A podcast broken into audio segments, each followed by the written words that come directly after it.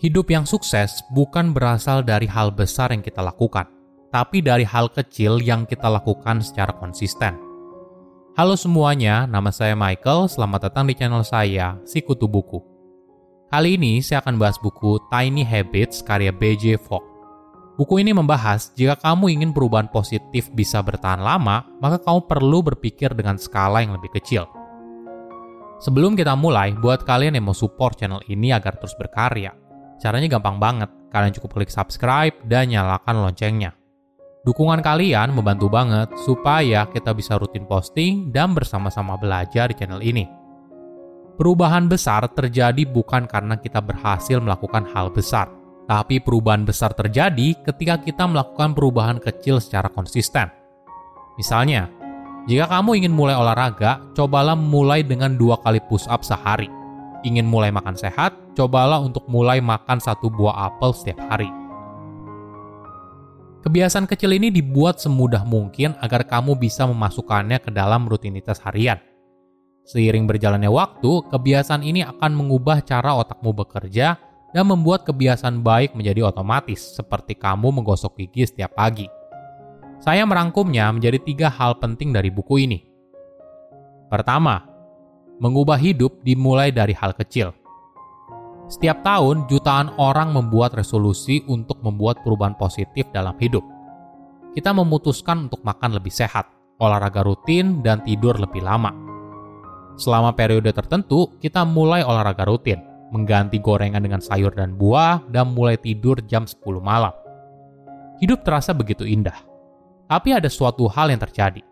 Seiring berjalannya waktu, kebiasaan baru ini mulai goyah. Kita melewatkan satu hari, lalu satu minggu, dan minggu berikutnya. Tidak lama kemudian, kita kembali pada kebiasaan lama. Kenapa sih sulit sekali untuk berubah? Mungkin jawabannya karena kita terlalu banyak melakukan sesuatu di satu waktu yang sama. Jadi misalnya, kita tidak memulai olahraga dengan hanya 10 menit olahraga ringan, tapi langsung ikut kelas kardio selama satu jam Masalahnya adalah kita terlalu terburu-buru pada perubahan. Jadi ketika antusiasme padam dan tubuh mulai protes, motivasi kita pun mulai merosot dan tidak aneh ketika kita berhenti datang ke tempat gym. Dalam situasi ini, kita cenderung menyalahkan diri sendiri. Jika saja saya lebih disiplin, atau jika saja saya lebih punya motivasi, saya pasti bisa menjalankan semuanya dengan rutin. Tapi apakah ini benar? Ternyata tidak juga. Mungkin kesalahan utamanya bukan di kamu, tapi pendekatanmu soal perubahan. Oke, jadi apa yang harus kamu lakukan? Pertama, berhenti menyalahkan diri sendiri. Jika kamu merasa sulit untuk berubah, mungkin karena kamu tidak memahami bagaimana cara kerja perilaku manusia. Kedua, kamu perlu mengambil sebuah mimpi besar lalu membaginya menjadi langkah kecil yang mudah dilakukan. Artinya, jika kamu ingin membuat sebuah perubahan bertahan lama, maka kamu harus memulainya dari sebuah langkah kecil sederhana ada kesalahpahaman yang sering terjadi dinamakan information action fallacy. Ini adalah anggapan jika kamu memberikan fakta yang benar kepada seorang, maka dia akan mengubah sikap dan perilakunya. Sekilas terlihat masuk akal, tapi realitanya tidak begitu. Fakta saja tidak cukup untuk membuat perubahan. Penulis menjelaskan ada tiga hal penting dalam membentuk sebuah kebiasaan. Sebuah pencerahan, perubahan lingkungan, dan perubahan kecil pada kebiasaan yang ada. Pencerahan datang tanpa terduga dan berada di luar kendali. Sama halnya dengan perubahan lingkungan. Seringkali sulit dikontrol, misalnya kamu tidak bisa memaksa temanmu untuk ikut ngejim bareng. Jadi yang bisa kamu lakukan adalah menjalani perubahan kecil. Idenya, semakin sering kamu menjalani kebiasaan kecil ini, maka kamu jadi makin terbiasa dan pada akhirnya menjalankan ini secara otomatis. Kedua, apakah motivasi saja cukup? Banyak orang sering kali terlalu bergantung pada motivasi. Memang betul, motivasi memiliki kekuatan yang luar biasa. Motivasi bisa membuat seorang yang tidak pernah berolahraga jadi berlari di bandara agar tidak ketinggalan pesawat. Motivasi bisa mendorong seorang tiba-tiba beli catering sehat untuk mulai pola hidup yang lebih seimbang. Tapi perlu diingat, motivasi itu bagus untuk mengerjakan hal sulit satu kali tapi perubahan konsisten tidak hanya butuh satu kali. Kamu perlu melakukan hal yang sama terus-menerus setiap hari. Ditambah lagi, kita terlalu sibuk fokus pada aspirasi, sebuah tujuan jangka panjang, entah mengurangi waktu untuk membuka gadget, menjadi lebih sabar, atau mengurangi berat badan hingga 10 kg. Perlu dipahami, aspirasi adalah hasil yang abstrak. Aspirasi hanya memberitahu kamu atas hasil yang berusaha kamu raih, bukan bagaimana kamu meraihnya. Sedangkan apa yang kamu lakukan adalah jembatan antara saat ini dan masa depan. Contohnya begini, kamu mungkin sering dengar anjuran untuk menyiapkan dana darurat. Tentu saja ini merupakan hal yang penting sebagai dana untuk kejadian yang tidak terduga entah rumah yang tiba-tiba bocor, mobil tiba-tiba rusak, dan sebagainya.